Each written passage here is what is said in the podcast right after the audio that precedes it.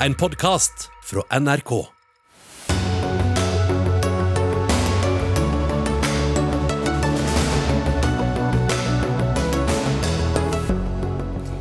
Før eh, ferien ville de samarbeide med Høyre. Nå starter Senterpartiet valgkampen med å angripe Arbeiderpartiet, som de vil i regjering med. Hva er egentlig planen, spør Ap-kandidat i Troms. Mange medier har beklaga, og flere vil gjennomgå hva de skrev om Utøya i 2011. Nordlys-redaktør advarer mot botsgang og revidering av fortidens journalistikk. Regjeringens forslag om skattelette for de unge møter motstand. Skaper større ulikhet, mener LO, men kan få flere i jobb, mener Virke. Og hetsen mot overvektige tar av i sosiale medier. Vi spør hvorfor kroppen provoserer så mye. Ja, god mandagskveld. Her er Dagsnytt 18 med Lilla Sølhusvik i studio. Akkurat nå så åpner Senterpartileder Trygve Slagsvold Vedum Senterpartiets valgkamp, og det gjør han fra Nordkapp-platået, hvor han så langt har rukket å sende harde skyts mot partiet han egentlig vil samarbeide med i regjering. Arbeiderpartiet har bomma i nord, sier Vedum til NTB.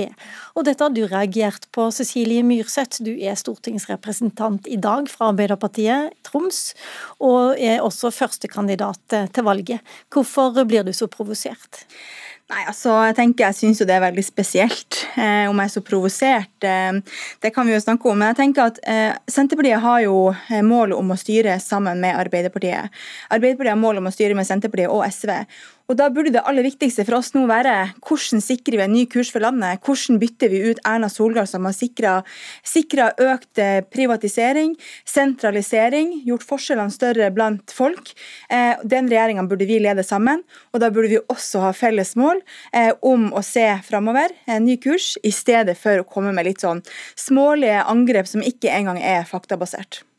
Trygve Slagsvold Vedum var for eh, travelt opptatt på Nordkapp-platået, men heldigvis er du med oss, Ivar Prestbakmo. Du er andre kandidat i Troms for Senterpartiet, og du er dessuten fylkesordfører. Er ikke det planen, at dere skal samarbeide i regjering? Ja, jeg synes jo Det høres noe mer ut som det er litt sånn ei eh, fjær som ble til, til fem høns, og vel så det, når jeg hører på, på Cecilie. fordi at det som jo er realiteten, og det er jo det vi har sagt hele tida gjennom de her åtte årene med høyreregjeringa, det er at de fører en sentraliserende, sentraliserende politikk. Der ser vi resultatene av. Der reagerer folk på. Og dessverre så har altså Arbeiderpartiet vært med på en del av de sentraliserende grepene. Og det kan jo ikke være noe sånn spesielt overraskende at eh, både velgere og politikere husker det, og at det er viktig for oss å si at den type samarbeid som Arbeiderpartiet har hatt på noen sentraliseringsprosjekter, det være seg politireform eller andre, det er uaktuelt eh, de neste årene hvis vi skal sitte i regjering. Så eh, her tror jeg vi skal snakke om politikken og ikke eh, håper jeg, hisse oss oppover noe som er rent fakta. Så hvorfor har Arbeiderpartiet bomma i nord, Pressbakmo? Vel, det er jo sånn at vi så jo ved stortingsvalget for fire år siden Eh, da gikk Senterpartiet fram, spesielt i Nord-Norge. Vi så det for kommune- og fylkestingsvalget for to år siden. Da gikk Senterpartiet sterkt fram. Og En av hovedforklaringene knytta til det er alle spørsmålene som berører sentralisering, og som folk reagerer på. Og det er klart at da har Arbeiderpartiet delvis et ansvar i forhold til det, fordi at man har vært med på en del reformer og samhandlinger med regjeringa. Det være seg forsvarspolitikk, det være seg politireform, og det være seg også andre områder, som eksempelvis eh, strukturreformen innenfor høyere utdanning. Og det er klart at For da... oss er det viktig å være klar og tydelig på hvilken politikk som skal gjelde. Og det er ikke den politikken som dagens regjering har fått lov til å føre, og dessverre noen ganger i samarbeid med Arbeiderpartiet. Ja. Og dessverre så har jo Senterpartiet eh, støtta en del litt rare ting sammen med regjeringa, de også. Men det er jo noe litt spesielt å bruke energien når man skal åpne en valgkamp med å sende ut eh, pressemelding hvor man kritiserer sin eneste partner. Fordi det er jo kun Arbeiderpartiet man ønsker å samarbeide med i regjering. Altså jeg kunne ha gått inn på hvordan man ikke ville være med på å si nei til utbytte for de bedriftene som fikk krisepakker, eller hvordan man ikke ønsker å støtte opp om i endring i bioteknologiloven, som er kjempeviktig for kvinner, eller hvordan man ikke ville være med å stemme imot økte egenandeler i helsetjenestene. Du men kunne poen... gjort det, sa du, men er ikke det det du gjør akkurat nå? Poenget er jo at vi, vi har Høyre som vår hovedmotstander i valget. Vi har som vårt mål danne en ny rød-grønn regjering for å skifte kurs i landet og bytte ut Erna Solberg. Jeg trodde det var også målet til Trygve Slagsvold Vedum, men i løpet av sommeren så har han jo både åpna for samarbeid med Høyre, eh, og de to utspillene som man har fått med seg de siste ukene, handler jo bare om Arbeiderpartiet. Jeg håper når man er i Finnmark nå, at man snakker om hva som egentlig ble vedtaket deres på landsmøtet når det kommer til fisk. Okay, som jo skapte mye... La oss ta Pressbakmo først. Hvem er hovedmotstanderen til Senterpartiet i dette valget, Pressbakmo? Vi har vært krystallklare i åtte år på at vi må få ut dagens sentraliserende regjering. Dessverre så har Arbeiderpartiet vært med på å bidra til sentralisering når det gjelder nærpolitireform, og man har bidratt til å undergrave Forsvaret i nord. Man har bidratt til å ikke holde fast ved de samarbeidskonstellasjonene som kunne ha pressa regjeringen på viktige områder. Jeg lurer på, Er du litt prega av at dere både Senterpartiet og Arbeiderpartiet faktisk nå kjemper om å bli største partiet både i Finnmark og i Troms. I Nordland er dere litt foran fortsatt? Ja, det er jo sånn at Det viktigste for oss det er de politiske sakene. Vi skal snu sentraliseringa. Vi, vi, skal stå på for at folk skal oppleve at vi bygger gode og trygge lokalsamfunn. Der det er trygge og gode veier, der det er båt- og fergetilbud, og der vi stanser regjeringa sin sentraliseringspolitikk. Men da kan vi ikke ha det sånn at Arbeiderpartiet er med på type nærpolitireform, som har ført til en sentralisering av politiet. Svarte du egentlig på hvem som var hovedmotstander av Pressbakmo? Jeg fikk ikke det med meg. Hvilket parti? Alle, alle, som støtter sentraliseringspolitikken til dagens regjering, er våre motstandere. Og det er også Arbeiderpartiet, det da, eller? Hvis de ikke kommer med oss, så er de selvfølgelig vår motstander. Men jeg forutsetter jo at de snur på viktige områder, som de har gjort på politiet. Men ærlig talt, Ivar, må jo forholde deg til fakta. Fordi at du på en måte nevner jo eh, høyere utdanning. F.eks. Nesna. Det er jo helt feil det som både Trygve og du nå har sagt. Vi har kjempa for Nesna fra dag én, og det gjør vi fremdeles. Når det kommer til forsvar, så hadde vi ikke sikra helikopter på Bardufoss, hadde ikke vært for Arbeiderpartiet. Og når det kommer til politireformen, det må jeg bare få svare på. Ja, ett etter 22.07 så skjønte Arbeiderpartiet at vi er nødt til å gjøre noe med politiet. Derfor så gikk vi inn i et forlik. Men idet regjeringa ikke fulgte opp det forliket, ikke kom med pengene, så gikk vi også ut av det.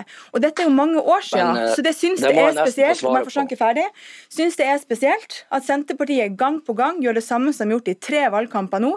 De snakker om snøen som falt i fjor, men de snakker ikke om der vi er i dag. Jeg tenker at jeg ønsker å få et sterkt rød-grønt flertall etter dette valget, hvor vi får bytta ut denne sentraliserende regjeringa som skal øke forskjellene i dette landet. Ikke til for vanlige folk, men da må vi seriøst slutte med dette litt smålige spillet, og så må vi heller jobbe for det felles målet som vi har, på mange av de felles eh, politiske sakene vi har, som vi faktisk er enige om, i stedet for å starte valgkamp på å hogge på hverandre men dere har jo ganske mye, som vi hører her, som dere er jo helt uenige om.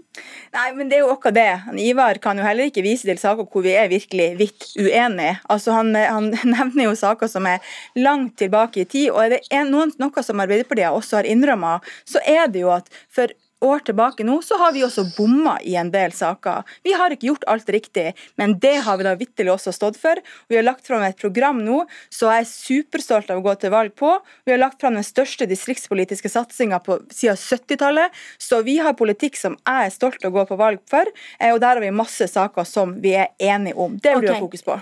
Ivar Pressbakmo, hvis du bare legger til side nå alt du mener ikke skal gjøres, og som regjeringen har gjort feil fordi de er ikke her, og vi har fått med oss det, det budskapet, hva er det viktigste Senterpartiet skal gjøre i Nord-Norge?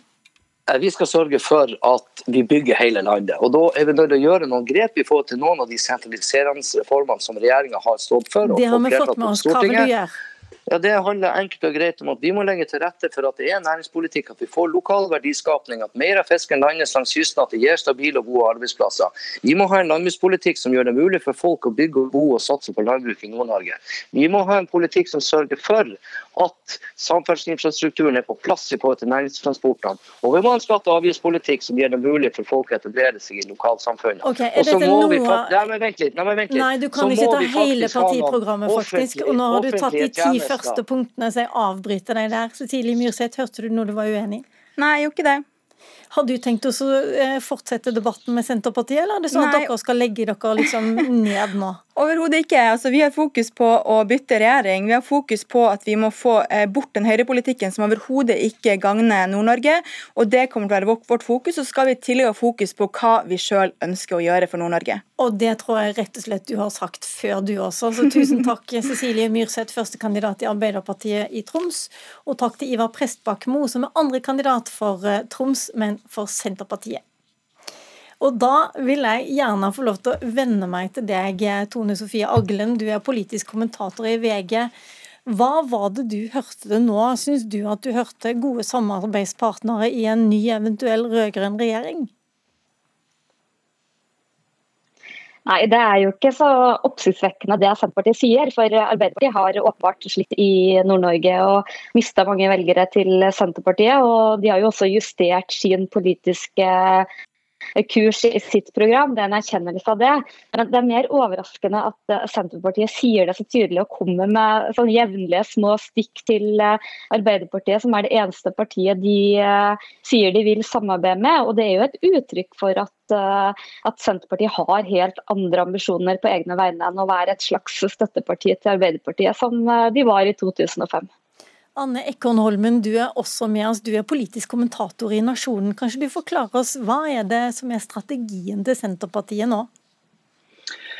Eh, ja, Det er et godt spørsmål. Eh, for det er klart at eh, Dette er et ganske kynisk, men bevisst spill. Eller bevisst strategi. Fordi at Senterpartiet har planer om å kjøre sitt løp helt fram til valget, tydeligvis, i september.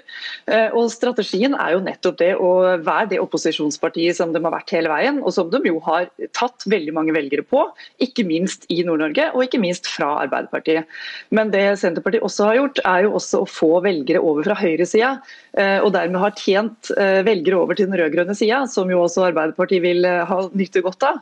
Sånn at Selv om Arbeiderpartiet ikke er en hovedmotstander på noen måte, tvert imot en partner som, som de trenger for å komme i regjering, begge to gjør jo det, trenger hverandre, så, så er dette her en strategi for å fortsette å minne velgere på at Senterpartiet er noe helt annet enn den regjeringa vi har i dag. Er det en lur strategi, tror du? du? Kan du huske at folk som eller partier som egentlig vil samarbeide i regjering, går så hardt ut mot hverandre i starten av en valgkamp eh, før? Nei, Det er klart at det er risikofylt. fordi at Bl.a. blant annet så gir det jo en lissepasning over til Erna Solberg og Høyre, eh, som nå fritt kan si at det er kaos og samarbeidsproblemer på den rød-grønne sida. Så det, det, åpner jo for den type eh, tilbakeslag, for å si det sånn. Eh, men det er klart at alle partier vil jo si at de først og fremst går til valg på sitt eget program. Eh, og den distriktspolitikken som eh, Senterpartiet har eierskap til, og som har veldig stor troverdighet på, den, den har jo veldig velgere i Nord-Norge merka seg. Og så skal det sies, som Myrseth også er inne på, at eh, Arbeiderpartiet har tatt helt nye grep i sin distriktspolitikk i det nye partiprogrammet, og har gjort, åpenbart kommet til en erkjennelse der som, som har strekt seg, og som gjør ikke minst at Senterpartiet og Arbeiderpartiet har mye de er enige om, og vil kunne samarbeide om på det feltet. Tone Sofie Aglen, vi hørte at eh, Cecilie Myrseth var ganske oppgitt over eh, angrepene fra Senterpartiet. Er det generell stemning i Arbeiderpartiet? Ja, det opplever jeg at det har vært uh, over lang tid. Det er en erkjennelse i Arbeiderpartiet at man er veldig avhengig av Senterpartiet, at de gjør det et godt valg. Og På hele venstresida er det nok en forståelse for at Senterpartiet prøver å appellere til en del borgerlig orienterte velgere. Men jeg opplever også at de er kraftig uh, irritert over uh, både det de opplever som ganske sånn lettvinte løsninger fra Senterpartiet, at det kommer sånn stadige små stikk mot Eh, Arbeiderpartiet, og de opplever nok også at eh, Senterpartiet kanskje eh, blir tatt litt sånn, slipper lett unna også fra oss i media. Men i Arbeiderpartiet nå så tør de ikke eller ser de ikke strategisk å, å ta til motmæle. De vet at de er veldig avhengig av Senterpartiet, og, og, de vet også at Arbeiderpartiet som har mest å tape nå, det vet både Arbeiderpartiet og det vet Senterpartiet. Og, og med mye rød-grønn splid vil egentlig bare tjene høyresida. Anne Ekornholmen eh, i Nasjonen, det har jo også vært sånn at Senterpartiet har brukt mye av sommeren til å angripe SV, og bare gjøre det helt klart at noe samarbeid med dem i regjering, det ønsker de virkelig ikke. Nei, det stemmer det. Og, og det er, uh, igjen så er det jo sånn at man kjører den valgkampen man sjøl vil på eget partiprogram. og Senterpartiet har vært tydelig hele veien og gjentatt og gjentatt. Men så er det nå engang sånn at man kommer til forhandlinger etter, eller når det nærmer seg, og ikke, fall, og ikke minst etter et valg.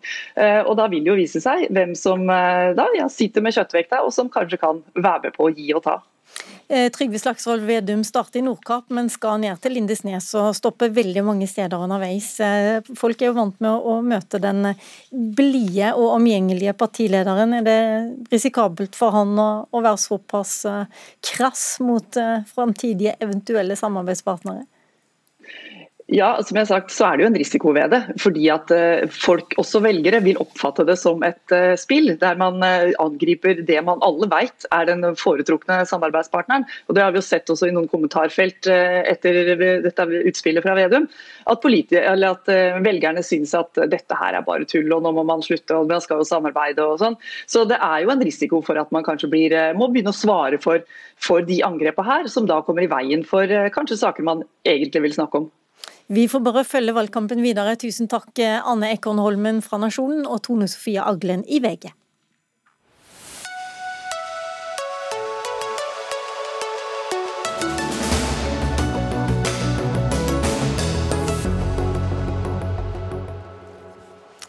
I Nyhetsmorgen i dag så hørte vi at både NHO og LO går hardt ut mot regjeringens forslag om å gi skattelette til unge under 30 år. Vi vil ikke, dette vil ikke gi flere jobber, sa NHO i morges. Men eh, dere er positive til dette forslaget. Anita Sundal, leder for arbeidslivs- og næringspolitikk i Virke. Hvorfor det? Ja, det er vi. Eh, og det er fordi at vi i Virke har sett at vi ikke har lykkes over veldig mange år. Vi har brukt veldig mange forskjellige tiltak knytta til kompetanse og til lønnstilskudd, men vi klarer ikke å flytte det fjellet det er med alle disse unge som står utenfor arbeid. Og vi vet fra andre sammenhenger at økonomiske insentiv kan funke. Og for denne gruppen som er i det vi kan kalle en gråsone i mangel av et annet ord, hvor økonomiske insentiver kanskje er det som kan få de til å bikke over i å ta en jobb, så tenker vi at det er vel verdt å prøve. Hvorfor skal skattelette på 2000-4000 kroner føre til at flere får jobb, Torbjørn Røe Isaksen, eh, statsråd i Arbeids- og inkluderingsdepartementet? Det skaper jo ikke flere jobber i seg selv, eh, men det gjør jo at det lønner seg litt mer å jobbe. Da. Så er det viktig å si at eh, dette er, jo ikke, dette er jo ikke bare for de som står utenfor arbeidslivet. Dette betyr også at unge som er eh, på vei inn eller har kommet seg inn i arbeidsmarkedet, som ofte har lavere middels lønninger, de vil nå få beholde mer av sin egen inntekt. Og Det i seg selv er jo også viktig for et parti som Høyre. Og så har det da i tillegg den siden ved seg at, at dette her vil være ekstra viktig eh, for en del av de som, eh, som kanskje står utenfor eller eh, på, på, marginen taper eller frykter at de kanskje vil tape på å gå inn i en jobb. Fordi at, fordi at, man sitter igjen med mer i lønningsposen, rett og slett. Så på mange måter er dette her en skattelette som er Dette går jo da til unge folk under 30, til lavere og middels inntekter. Så det er en sosial skattelette, og det er en smart skattelette. Eh, jeg starta med Virke fordi det er en av to organisasjoner som faktisk har vært positiv til regjeringens eh, forslag om skattelette. Og eh, blant de veldig mange som har vært negative, er LO. Roger Heimli, du er andre nestleder der. Hvorfor er det så ille at regjeringen vil bruke 1,5 milliarder kroner på å ja, gi ungdom litt mer igjen av arbeidskronene sine, av lønna si? Det er to ting som er vårt utgangspunkt. Det er at vi er ikke enig i det som er regjeringens utgangspunkt, at arbeidsinitiativene til unge er for svake. Vi eh, tror at unge vil jobbe, men de er nødt til å ha en jobb å gå til. Og Dette forslaget skaper ikke jobber, det skaper heller større ulikhet mellom de som er så heldige å ha en jobb, og da vil få mer eh, og bedre økonomi.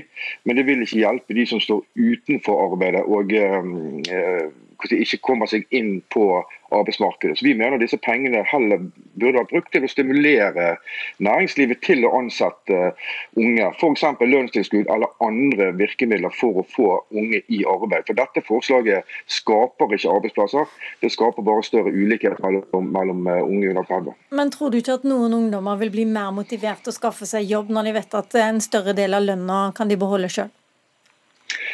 Jeg tror òg eh, unge, som oss eh, litt, litt, godt voksne, har tiltro til det skattesystemet vi har, der vi, eh, der vi har vår lønn og vi betaler vår skatt. Og så tror jeg nok det er andre incitamenter enn 2000 kroner i året som vil motivere unge til å få jobb. Jeg tror heller det er å få hjelpe de som trenger hjelp for å komme seg inn på arbeidsmarkedet. Bruke pengene på det istedenfor. For jeg tror ikke akkurat den, eh, den, den skatteletten her vil, vil, motivere noe mer enn en, eh, det vi ser i dag. Men der er dere som arbeidsgivere uenige, Anita Sundal i Virke. Hvorfor tror du at uh, ungdom blir motivert av, av skattelette? Ja, altså Erfaringskunnskap er jo også kunnskap. Eh, og det vi vet både fra våre virksomheter og fra folk som jobber i Nav, som vi har tett kontakt med, det er at det er en gruppe unge som sitter og regner på det. Og det er veldig lett å forstå, men vi må finne en måte å komme rundt det på. Og det er klart at Dette vil ikke hjelpe alle, men det vil hjelpe noen. Og Jeg er helt enig med dette med lønnstilskudd og med kompetansetiltak, men det har vi gjort mye av.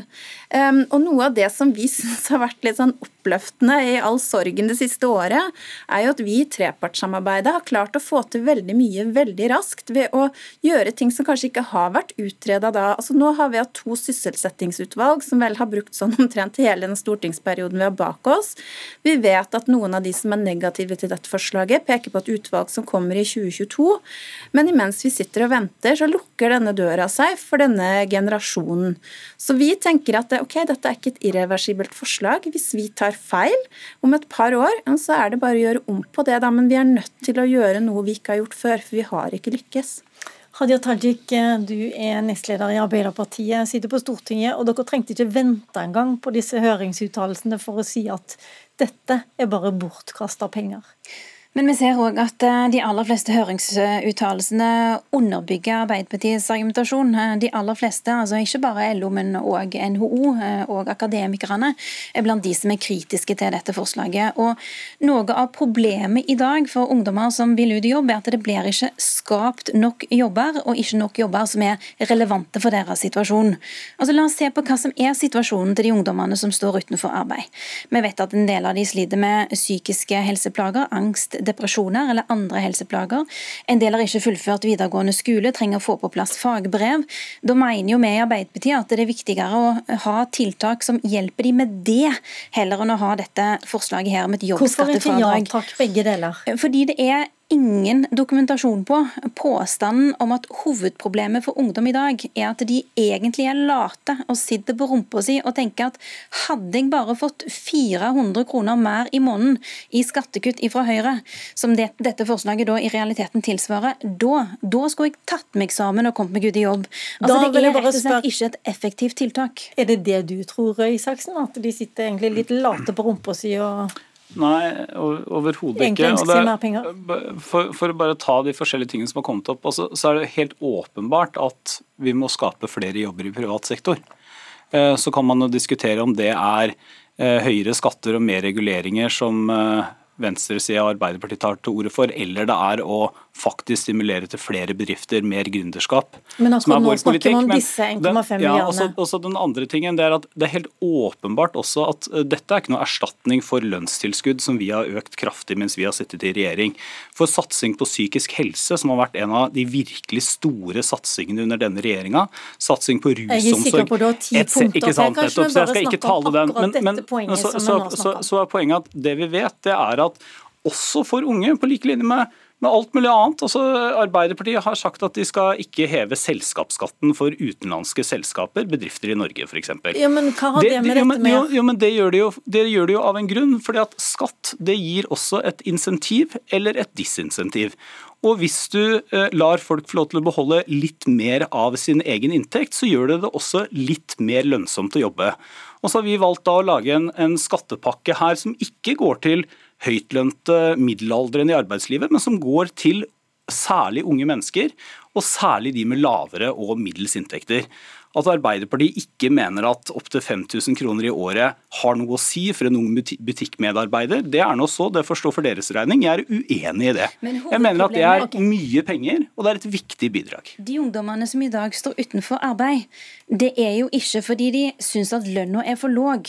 Det er jo fordi man ser at en del av de sliter med f.eks. psykiske helseplager. Altså De siste åtte åra eh, har vi sett at under Erna Solberg sin ledelse så har det blitt en dobling av antall unge uføre. Nesten fem nye unge uføre hver eneste arbeidsdag mens Erna Solberg har vært statsminister.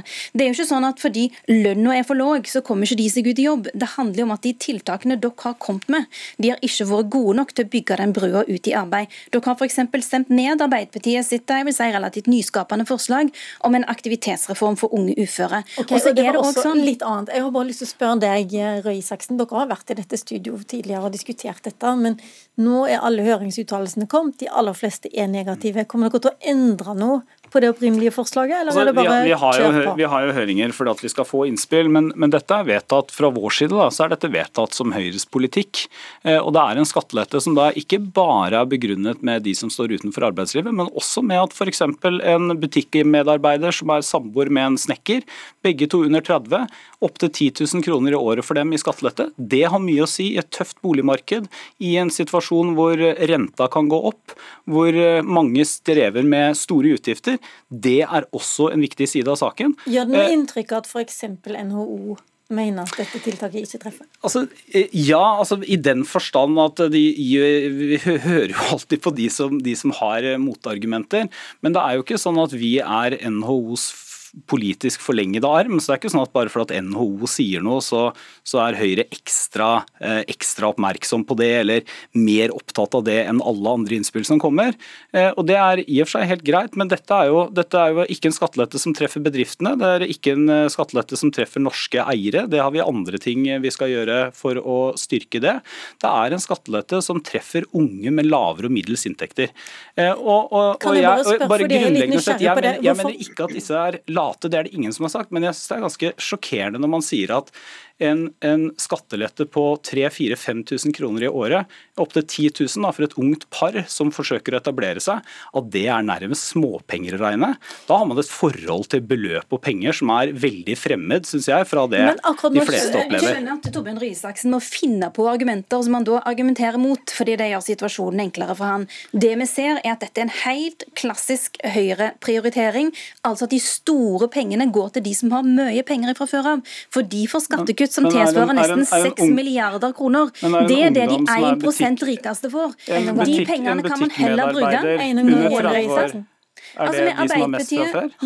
Tajik fullfør. Ja, Med Arbeiderpartiet sitt skatteopplegg så får alle de som har lave inntekter eller middels inntekter, får skattekutt. Takk. Mens de som har høye inntekter eller store formuer, de må regne med å betale mer i skatt. Så vi har et rettferdig og omfordelende skatteopplegg. Ja. Stopp, men, stopp, stopp. Vi, vi, eh, ja, men, eh, men, eh, her er jo, nettopp derfor er det jo så rart at uh, dere enten bagatelliserer eller slamrer igjen døra så hardt for dette. Og det var du som brukte eksempelet 400 kroner i måneden som om det ikke var et særlig stort beløp. Særlig stort beløp for folk, hvis jeg da kan få snakke ferdig. Så, så, så, mitt, mitt, så, mitt, poeng veldig enkelt. Dette er en skattelette som er sosial. Den er retta inn mot unge folk. Mange sliter med å komme inn i arbeidsmarkedet. Mange har også lavere og middels inntekter.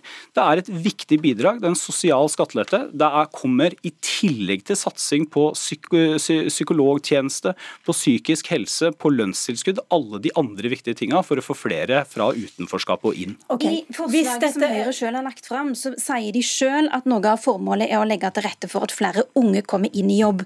Og mitt poeng var at det er ikke sånn at ungdom er late. Da det er det siste vi, poenget, og det har du sagt før. Det er, det er dere enige om. Og det var en fin uh, måte å slutte denne debatten på. Takk Hadia Tajik, Arbeiderpartiet, Torbjørn Røe Isaksen, denne sammenheng Høyre, og Anita Sundal, leder i arbeidslivs- og næringspolitikk Virke. Takk også til deg, Roger, Roger Heimli fra LO.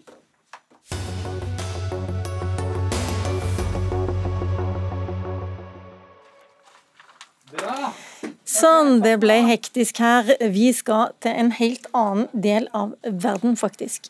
En bølge av bortføringer er i ferd med å true skolegangen for en hel generasjon i Nigeria. Aftenposten skriver i dag om kriminelle gjenger som har tatt opp praksisen som den islamistiske organisasjonen Boko Haram starta i 2014. Bortføringer er blitt en business, leser vi nå, men nå i helga så kom et lite lysglimt da 28 studenter ble frigitt. Morten Bøås, du har fulgt utviklingen i Nigeria gjennom en årrekke, du er seniorforsker ved NUPI. Hvorfor denne omfattende bortføringen av skolebarn og studenter? Ja, det er som eh, man sier eh, fra som står i Aftenposten, altså dette har blitt en, en business. Det, det har vist seg lønnsomt, og man kommer unna med dette her. og det når noen først begynte med dette, her, og man så at man fikk, penger, fikk utbetalt løsepenger rimelig raskt, og man kom unna, så har det skapt et insentiv til andre å fortsette dette. her. Så det, De bortføringene som man nå snakker om, er først og fremst altså bortføringer som gjøres for å få løsepenger. Hvorfor eh, kommer man unna? Årsaken til det er rett og slett at uh, deler av den nigerianske staten, spesielt i en del av disse eh, delstatene nord og nordøst i landet, så har deler av statsapparatet delvis blitt underminert av korrupsjon, delvis uh, selv rast sammen, sånn at du har fått uh, store områder, spesielt Eh, på landsbygda og i mer veldig grisgrendte strøk, hvor på mange måter statsmakt eh, ved, representert ved legitimt politi og militærstyrker ikke er til stede. og Dermed har det blitt et rom for disse bandittene å operere i. Så Dette er en del av den større krisen i den nigerianske staten. Men hvis det skal bli så lukrativt, så betyr det at noen betaler. Hvem er det egentlig som betaler? Jeg har skjønt at det er stort sett i fattige områder, som du også beskriver her. Ja, og det er litt sånn forskjellig hvem det er som må betale. Det er eh, mange historier om uh, altså foreldre som selv uh, setter seg i gjeld for å betale. At foreldrene må gå sammen og må, skrape sammen løsepenger. Men det hender også at delstatsmyndigheter og lokale myndigheter bidrar til å betale her. Og her har du jo da Eh, også delvis hvert fall å, gjøre med valgte politikere som er avhengig av gjenvalg. Ingen stoler på at eh, hæren eller politiet skal klare å løse en sånn kidnappingsaksjon. I hvert fall ikke uten at uh, veldig mange menneskeliv går tapt, inkludert gisler. Og Dermed så skaper det også det så et incitament for lokale myndigheter til å bidra i hvert fall til at det betales. Problemet er jo da det at dette blir en løpende spiral fordi ulike banditter ser at man kan komme unna med dette her relativt enkelt å få utbetalt relativt store summer. Nigeria har eh, en av verdens raskest økende befolkninger. og Om noen år så kommer Nigeria til å være et større land, eller ha flere mennesker enn USA til og med. Hva har dette å si for eh, utdanningen for eh, landets unge? Ja, Det er jo en kjempetragedie. for Dette er, har kommet jo da på toppen av at utdanningssystemet, spesielt i nord i landet, har vært ramma av denne konflikten mellom hva skal man si, staten og disse og ulike islamistiske opprørsgrupper. Først dette Boko Haram som gjennomførte denne skibukk-bortføringen av alle disse unge jentene. Og så uh, Eh, avskallinger av den, som har blitt en ny gruppe som kaller seg for den islamske staten eh, Vest-Afrika-provinsen. Dette har i seg selv lamma eh, utdanningssystemet i nord, og nå kommer da disse bortføringene på toppen, som fører til at veldig mange foreldre her kvier seg Eh, for å sende barna på skole. Og Konsekvensen er jo det at man får generasjoner her som enten ikke har fått utdanning, eller som har fått utdanningsforløpet sitt ødelagt, brukket opp, stykket opp. Og som igjen vil skape gode grobrunn for mer frustrasjon. Folk får ikke jobber, eh, kan ikke konkurrere om det lille som er av jobber, og som igjen vil tjene interessene både til ulike bandittgrupperinger, men også helt klart til de islamistiske væpna fraksjonene. Jeg får høre her at vår tid er ute, men jeg skulle gjerne hørt et lite lyspunkt fra deg til slutt. Lyspunktet er at Nigeria fortsatt har relativt gode utdanningsinstitusjoner, spesielt i sør. Det er et land med en enorm innovasjonskapasitet. og det er i hvert fall et håp om at det er i ferd med å vokse fram en ny generasjon av sosiale og politiske ledere i landet som kanskje vil være bedre skikka til å håndtere denne krisen enn den eldre garden har vært. Tusen takk for et lyspunkt i en ellers mørk situasjonsrapport, Morten Bøås fra NYPI.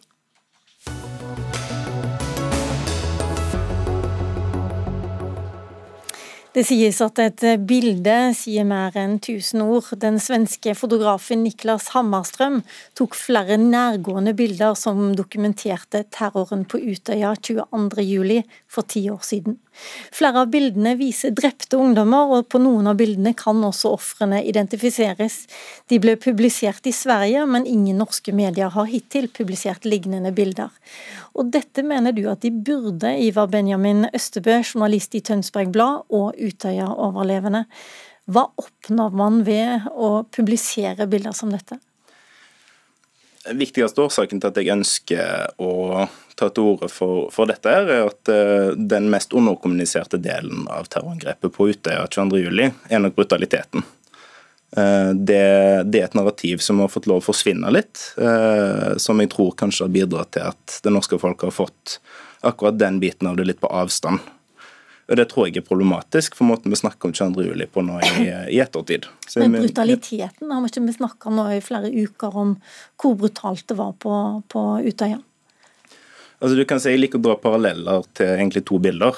Eh, det er bildet av tre år gamle Alan Kurdi eh, som drukna i Middelhavet under flyktningkrisa i 2015. Han ble skylt opp på ei strand i Tyrkia. Og, På det tidspunktet var det ganske mange beretninger eh, om ganske brutale scener i Middelhavet under flyktningkrisa. Men det var først når, når det ble billiggjort og du fikk sett den drukna tre år gamle gutten, at folk faktisk At det faktisk ble, ble en del av, av, den, av, den, store flyktningdebatten. Det har jo vært et målbart paradigmeskifte i måten vi har snakket om det på. Det, ja. Hvilket bilde er det du ser for deg? Jeg går ut ifra du har sett noen av disse bildene. Da. Hva er det du ser for seg måtte vært noe tilsvarende fra Utøya? Akkurat det spørsmålet eh, blir rett og slett opp til redaksjoner, eh, altså til enkeltredaktører å, beslutte. Man kan jo ikke bestemme hva et ikonisk bilde skal bli. Men det er tatt bilder eh, som viser avdøde eh, i vannkanten. Det er bilder jeg har sett. Jeg vet at det finnes mange bilder jeg ikke har sett. Eh, og De bildene er nødt til å publisere selvfølgelig i nært samråd med min egen støttegruppe etter 22. juli og, og eventuelle etterlatte. Men jeg vet jo at det finnes bilder som f.eks. ikke viser ansikter, og som er mindre grafiske enn andre. Og Bare ett av de bildene kan antageligvis si eh, mer om det som skjedde den dagen, enn det jeg kunne gjort ved en to timer lang beretning av det jeg så. Morten Andersen, du er stabssjef i Aftenposten, og betyr i denne sammenhengen at eh, du har ansvar for presseetikken sammen med de andre redaktørene. Dere har, som mange andre norske medier, deriblant NRK, latt være å publisere disse bildene. Hvorfor er det den rette måten å gå fram på? For det første så vil jeg si at dette er en, en eh, vurderingssak. hvor det er hensyn på den ene siden og på den andre siden. Og eh, jeg synes jo det kommer gode argumenter her for å publisere. Det finnes gode argumenter for å publisere. Det er stor dokumentarisk verdi i disse eh, bildene. De viser eh, i sin brutalitet eh, hva som skjedde den dagen. Samtidig så er det sånn at det er etablert praksis i, i norsk presse gjennom eh, presseetikken vår, som er nedfelt i Vær varsom-plakaten, at man skal ta hensyn til eh, pårørende og etterlatte eh, ved omtale av denne typen saker. Og, og, her vet vi med sikkerhet at eh, det er mange pårørende og etterlatte som, eh, som motsetter seg publisering av disse bildene. Og det hensynet veier tungt. Eh, Men det er også noen som kunne sagt ja til å gå med på det? Ja, og Da handler det om en konkret vurdering for det, det enkelte bildet. Eh, dette er eh, veldig eh, vanskelige bilder eh, å publisere. Vi, vi, har ikke tradisjon for det. Det var to medier i Norge som publiserte bilder av avdøde eh, kort tid etter 22.07. Begge ble felt i Pressens faglige utvalg. Og, sånn at eh, praksis er at man sier nei til denne typen bilder av hensyn til de etterlatte. Hvordan tror du debatten hadde blitt hvis eh, disse bildene hadde blitt eh, publisert, Østebø? Jeg tror debatten eh, altså det, det, det, er vanskelig å si hvordan en, en sånn publisering ville påvirke debatten helt konkret. Um, men jeg mener jo for men, men jeg lurer jo litt på, Syns du at pressen viser for snille bilder? Er det blitt for mange roser på de bildene? Stille vann? Er det den type ting du reagerer på? Jeg tror øh, den praksisen som det vises, uh, viser til å ta hensyn til, til pårørende og berørte overlevende, øh, det er jo helt klart nå som debatten som vises nå at det er flere forskjellige behov. Har, det finnes også eksempler på etterlatte som har tatt til orde for at det burde bli publisering. Og det, og det finnes mange overlevende som mener det samme. Um, et annet hensyn til direkte berørte er jo hensynet til oss som blir satt til å forvalte den historien alene. For Det er jo våre beretninger, oss som var der. Det betyr overlevende, politibetjenter som kom til øya, og helsepersonell og andre som var der i timene etterpå for å få oversikt over omfanget. Det er de som har sett det som har skjedd. Det er via våre vitnesbyrd og deres vitnesbyrd i retten at, eh, at, eh, man får formidle den brutaliteten. Det er vi som har uttalt oss til medieintervjuer. Det er vi som har blitt avhørt av politiet. og det er vi som har altså det er våre, våre vitnesbyrd som ligger til grunn for alle bøkene som er skrevet. Og Da er det, da er det også et hensyn til, til, til, oss som blir nødt til å fortelle den historien alene, når det faktisk finnes bilder som kunne forklart på en langt enklere og tydeligere måte, eh, i en medieform som de aller, aller fleste ikke kan unngå. Så det ville avlaste dere, rett og slett? Det vil jeg tro. Mm. Ja, Hva sier du til det, Morten Andersen? Det er ganske sjelden at du hører eh, direkte overlevende her som, som ber dere om å publisere, og dere sier nei til å publisere bilder.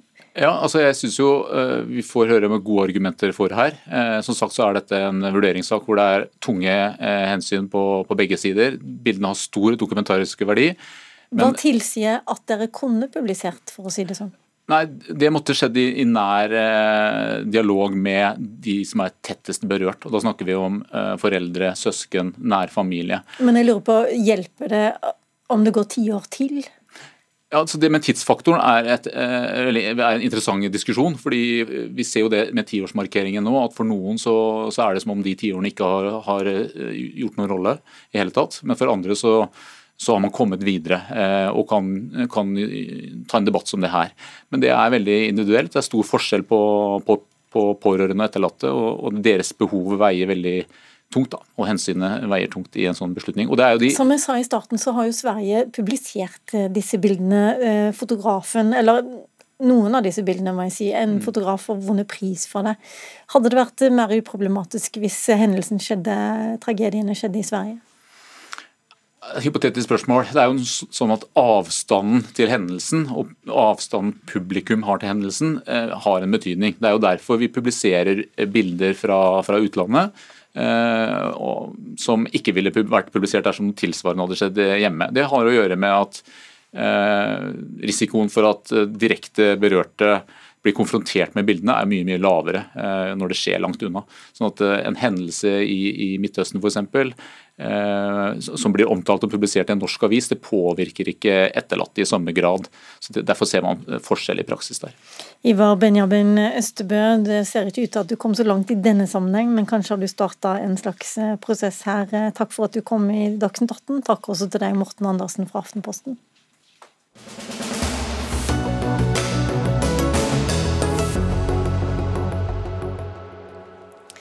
Den eh, siste uka har en rekke norske medier beklaga ting de har skrevet og publisert i etterkant av 22. juli. Nå vil flere gå gjennom pressens dekning av terrorangrepet. Bergens Tidende skrev på lederplass før helga at tiden er moden for en gjennomgang av pressedekninga. Flere har altså beklaga, som sagt, men eh, Skjalg Fjellheim, politisk redaktør i Nordlys, du advarer mot at man starter å gjennomgå ti år gamle presseklipp. Hvorfor det? Ja, Det er flere grunner til det.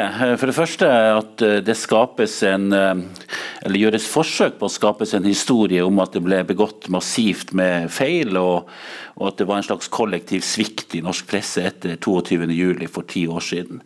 Og Det er mange av, eh, av oss som måtte håndtere dette i redaksjonene den gang, som, som ikke kjenner seg igjen i dette. Det vi jo møtte, det var Eh, gråtende journalister som eh, på jobb sammen med sine redaktører står overfor enormt vanskelige avveininger i en ekstrem situasjon under et voldsomt tidspress. Eh, og der grensa mellom det å trøste eh, kilder og det å rapportere ofte gled over i hverandre. Eh, og så er det jo den historien som, som forsøkes skapes om kollektiv svikt, stemmer jo ganske dårlig overens med faktum. Det ble klaga inn det ble behandla 22 saker i Pressens faglige utvalg, hvorav åtte endte med domfellelse av medias håndtering av dette.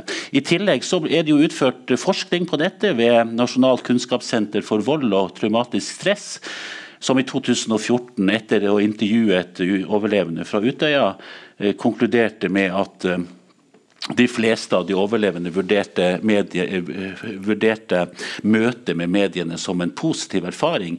Og, det hjalp, og, det hjalp, både måten de ble kontakta på og det å bli intervjuet. La oss stoppe litt der. fordi at Media24 de har bedt om å få innspill til overtramp eller ting folk har reagert på i pressedekningen fra 2011 og Utøya og regjeringskvartalet. Erik Våtland, du er ansvarlig redaktør i Media24. Hvorfor vil dere ha det?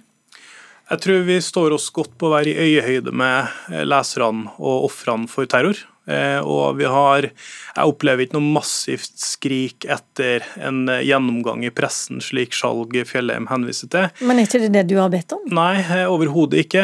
Det er publisert 315 000 artikler om 22.07 i norsk presse. Jeg tror at nå, ti år etter, hvor vi plutselig hører noen mene at mediene ikke har gjort en god jobb, så tror jeg at det kan være fint å få opp de historiene for å lære. Eh, er det én ting som vi vet, så er det at dette er et nasjonalt traume som har tatt lang tid å bearbeide. Nå, bare forrige uke, så er det noen eh, få som har ment at det er verdt å ettergå noen historier, og da har vi valgt å gjøre det. Eh, vi tror at vi har mye å lære av ofrene for terror, det verste som skjedde i norsk etterkrigshistorie. Så vi skal ikke revidere slik salget henviste, men vi skal evaluere og lytte og være ydmyke. Hva er galt med å lære av sine feil og sine erfaringer, eh, Skjalg Fjellheim? Det er det overhodet ingenting galt med. og Journalister og redaktører de bør lære mer av sine feil. Eh, men det det er snakk om her, er jo å gå fem, åtte, ti år tilbake i tid. Og, Det som jeg, jeg, tror det er viktig å få frem her, er at journalistikk det er jo et tidsbilde. Det er jo eh, en søken etter fakta og sannhet. Det er jo ikke en moralsk oppskrift på hva som er rett rett og galt i et samfunn. Og, og, og Journalister og redaktører de må kunne lage den journalistikken som de syns er riktig ut ifra den situasjonsforståelsen som finnes der og da. Uh, uten å være redd for at noen skal komme ti år etterpå og opprette anonyme e-postkontoer der folk kan tipse anonymt om debattinnlegg som ikke burde vært uh, publisert for ti år siden, slik Vårt Land har invitert til. Uh, det, det, det mener jeg i praksis vil innebære er en revidering av redaktørrollen som er farlig. Og jeg tror også at det kommer til å føre til mer frykt blant norske redaktører. Mer usikkerhet og også dessverre svakere redaktører. Okay, la, la vårt land få svare på det. Dere skaper mer frykt blant redaktørene. Altså, ærlig talt, eh, her tror jeg eh, man har litt sånn rart perspektiv på det. Eh, her ber vi altså, eh, ti år etter en, eh, et nasjonalt traume, ofre som tør ti år etterpå og kom og si sin mening om hvordan den fjerde statsmakt håndterte dette. Det mener jeg at vi eh, skal være ydmyke for. og Det betyr ikke at, dette, at, vi har satt i gang en heksejakt eh, på medier som skal legge seg flat og beklage. På ingen måte. Men jeg tror abonnentene til Medie24 eh, vil lære, og det er redaktører og journalister, jeg tror at de vil ha godt av å se hvordan var det på den andre sida av mikrofonen. Og Det mener jeg vi skal være litt ydmyke for. Det er ingen som tar til orde for en revisjon av historien, slik Skjalg viser til. Altså at enkeltmedier velger å gå gjennom sin egen dekning, det får stå for deres regning. Det er ingen hos meg, og i alle fall ikke jeg, har sagt at vi skal pirke på feil i et debattinnlegg for ti år siden. Men vi ønsker å få de historiene opp, og så skal vi gjøre en publisistisk vurdering, slik vi alltid gjør. Er du litt redd for eh, kritikk av pressen, eh, Fjellheim? Jeg bare ser at du skriver i kommentaren din at hver eneste utgivelse fra hele veien fra Kirkenes til Lindesnes er skapt etter beste evne og samvittighetsfullt ut fra det som er tilgjengelig informasjon. Det er vel ikke alle som oppfatter det, alle artiklene på den måten? Jo, men det mener jeg er absolutt er et mål blant norske redaktører og norske pressefolk. Man forsøker å, å, å, gi ut en utgave basert på tilgjengelig informasjon i nyhetsdøgnet etter beste evne og beste samvittighet. Et mål, ja, men det er vel ikke noe man oppnår alltid? Det, det som jeg advarer med mot, mot med det Vårt Land gjør, det er at han i praksis nå forsøker å gjøre seg til overredaktør eh, over beslutninger som eh, norske redaktører har tatt for fem, åtte og ti år siden. Og La oss nå si at uh, han skal granske et debattinnlegg i Aftenposten eller Nordlys for uh, ti år siden, og, og formuleringer som han da mener ikke burde vært publisert. Hvordan skal han håndtere det? Men det er ikke det vi skal gjøre, Skjalg. Jo, det er det du, jeg er det er det du inviterer til. det. Det vi skal gjøre, at vi skal, Det er det vi skal lytte, vi, vi skal lytte til, til ofrene. Vi skal lytte til hva er det som skjedde på den andre sida av mikrofonen. Og vi skal være eh, ydmyk, slik eh, vi som bransje ofte anklages for å ikke være. Fordi jeg tror at det kan være med å sørge for at journalistikken blir men det, bedre men i årene det han framover. på, det, er jo, det han lurer på, det er jo hvorfor en liten redaksjon som Media24 skal på en måte være i en posisjon til å vurdere alle disse eh, klippene som eventuelt har kommet inn. Nei, altså Vår rolle er jo i henhold til Vær varsom-plakaten punkt 1.4, som sier at vi skal være kritisk til også mediene. Det er derfor vi eksisterer. Og Uavhengig av eh, størrelsen vår, så tenker jeg at eh, det at vi intervjuer noen av de som har hatt traumatiske opplevelser, og som også ønsker å snakke om pressens rolle, det tror jeg er bra. Det tror jeg er bra for ikke bare samfunnsdebatten slik det er, men jeg tror det vil være med å sørge for at journalistene får kunnskap om hvordan det var å være eh, kilde til dette. Det tror jeg er veldig bra at de gjør. Vi må sette strek der. Takk, Erik Våtland fra Media24. Takk også til deg, Skjalg Fjellheim fra Nordlys.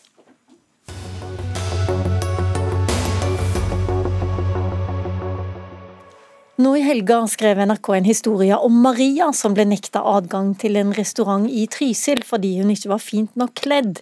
Hun hadde en sykkelshorts på seg og en topp, og mente selv hun ble nekta fordi hun var for overvektig. Her står ord mot ord, restauranten snakker om klærne, Maria mener folk der inne var like lettkledd som henne, bare tynnere. Uansett, kommentarfeltet kokte nærmest over av hets. Kommentarene om overvekt var så drøye at NRK måtte ta dem bort. Og Mari Mette Graff, leder i Landsforeningen for overvektige, ble du overraska da du leste saken om Maria? Nei, på ingen måte. Dette korresponderer veldig godt med utallige erfaringer som jeg selv har gjort, og ikke minst utallige erfaringer som eh, jeg allerede har fått når jeg har snakka med de som vi representerer. Dette er veldig vanlig. Det her var da? Hva tenker du på nå?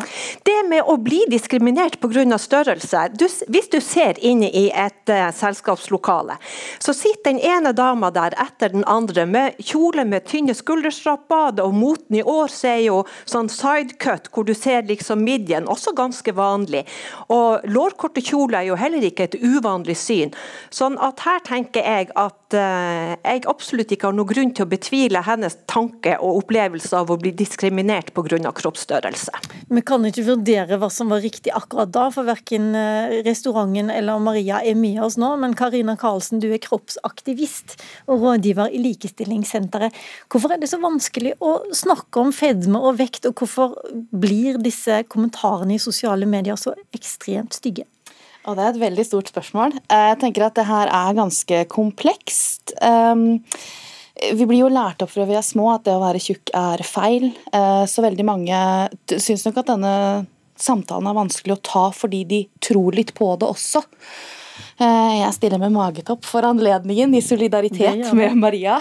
Bryter litt eh, normer her. Og det Herlighet, jeg merker jo blikk bare jeg går på gata. Men jeg spurte følgerne mine på sosiale medier i dag. Eh, mange forteller jo at det er denne redselen for å virke lat. Eh, de er jo redde for å oppleve det samme som Maria har opplevd. Du skal være ganske sterk for å tåle det hun har tålt, og det er et enkeltindivid.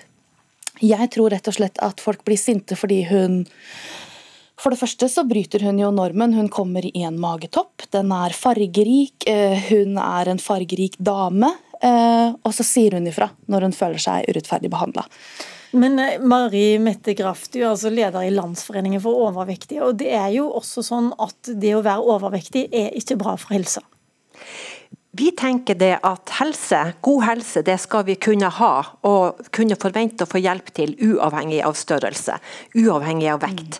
Og Selv om det ligger et potensial for eh, helseskader i å være stor, så legitimerer jo ikke det på noen måte at man skal diskriminere mennesker med en stor kropp. Det er ingen sammenheng der som kan forsvare det på noen måte. På hvilken måte blir mennesker med stor kropp diskriminert, eh, Karina Karlsen? Helsehjelp. Altså, helse er jo eh, et veldig stort eh, Vi har jo internalisert bias mot tjukke mennesker. De aller fleste har det. Eh, som jeg sa, vi Hva betyr det? Altså, det er holdninger vi har eh, som, eh, som vi har lært fra vi er små, og som må avlæres. Men du velger jo faktisk å være fettfobisk. ikke sant? Eh, jeg har selv vært til lege, og jeg kan synes at jeg er verdens kuleste og flotteste dame, men jeg risikerer fortsatt å ikke få helsehjelp fordi jeg er tjukk. Eh, som, som, Hvorfor, I hvilke sammenhenger skjer det? Jeg har vært hos gynekolog for eksempel, og snakket om sterilisering, hvor jeg fikk beskjed om at eh, mens hun var mellom beina mine, at du vet hva, du er så tjukk og æsj og fysj i det hele tatt. Fikk ikke sterilisering, men det hun derimot sa, var jo at eh, jeg måtte slanke meg, hvis ikke så ble det vanskelig for meg å få barn. Og da har du ikke lytta heller. Ikke sant? Dette her, det er jo en av så utrolig mange vonde historier. Jeg tenker at den historien uh, som, uh, til Maria um, Hun har nok hatt noen opplevelser som leder opp til at det er konklusjonen hennes. At hun faktisk nektes pga. kropp. Jeg tror ikke den er ubegrunna. Hva må gjøres da for å få slutt på den type reaksjoner og fordommer? Vi må jo lære mer om det, som Marmette sier. Dette her med at eh, vi, vi går rett til at eh, kropp, altså det å være tjukk, er helseskadelig. Eh, Og som hun sier, det kan være det finnes, altså Hva er helse? Det er ganske mange ting vi må røske tak i. Stigma. Vi må snakke mye mer om stigma. Vi hører bare hvor farlig det er å være tjukk. Men vi snakker ikke om hvor farlig det er med stigma. Det skader mange. Spiseforstyrrelse, overspisingslidelse og bulimi er f.eks. de to største spiseforstyrrelsene vi har her i landet. Hva tenker du må gjøres, Mari Mette Graff? Det som må gjøres, er rett og slett det samme som Karina sier. Vi må jobbe med holdninger, og holdninger henger sammen med kunnskap. Det er faktisk sånn at Nå må folk begynne å høre på hva ekspertene sier. Ekspertene sier at fedme er en kronisk sykdom. Og En sykdom er noe annet enn et moralsk problem. Det handler ikke om vilje. Det handler om veldig mange ting. Det er det vi kaller for et multifaktorielt sykdomsbilde. Mange faktorer som spiller inn. Og Når det er mange faktorer som spiller inn, så er det heller ikke enkle løsninger. Og Hvis folk lytta på det, tok det på alvor, så kanskje kunne det føre til økt forståelse og økt respekt, og at vi slutta å behandle mennesker sortere på grunnlag av ytre faktorer, det være seg størrelse eller hudfarge eller funksjonsevne. Kanskje man rett og slett skal slutte å snakke så veldig mye om kropp? Karina Karlsen? Ja, jeg tenker Kroppsnøytralitet er jo det vi ønsker oss, men eh, da må vi først våge å ta denne samtalen og faktisk begynne å oppføre oss. Ikke holde på sånn som voksne mennesker gjør i Det tror jeg dere er helt enige om, men jeg lurer litt på Marimette Graf. Hva er forskjellen på kvinner og menn? Eh, Er det forskjell på hvordan de møtes ute i samfunnet når de er overvektige? Ja da, det er forskjell. Det er fortsatt sånn at du kan komme unna med å ha pondus hvis du er mann. Men istedenfor at vi hylles for frodighet og fruktbarhet som i riktig gamle dager, så blir vi sett på som tapere som ikke eier verken eh, evne til selvkontroll eller disiplin eller noe. I tillegg så er vi dumme og late. Sånn at eh, det bl.a. kommer jo til uttrykk i at eh, store damer tjener veldig mye mindre enn tynne damer. Men det er jo av og til litt sånn også at man har litt for dårlig selvkontroll og tar de der ekstra glassene med rødvin eller tar den softisen og spiser for usunt. eh. Synes Er du, det- da har jeg synes bare lyst til å- det er greit å gi eh, dårligere lønn, tenker jeg, og ikke gi helsehjelp. Sorry. Jeg bare Ja, og I tillegg er det sånn at de da som kan ta seg de glassene med rødvin og spise den majonesen og alt det andre som vi tenker at fører til overvekt, men som ikke legger på seg av det. Skal de da gå rundt og føle seg ekstra flinke, eller har det sammenheng med hvordan deres biokjemiske fabrikk som kroppen er, er? Det handler jo ikke nødvendigvis om flink og ikke flink. Får du mange historier om folk som ikke slipper inn på restauranter fordi de er for overvektige?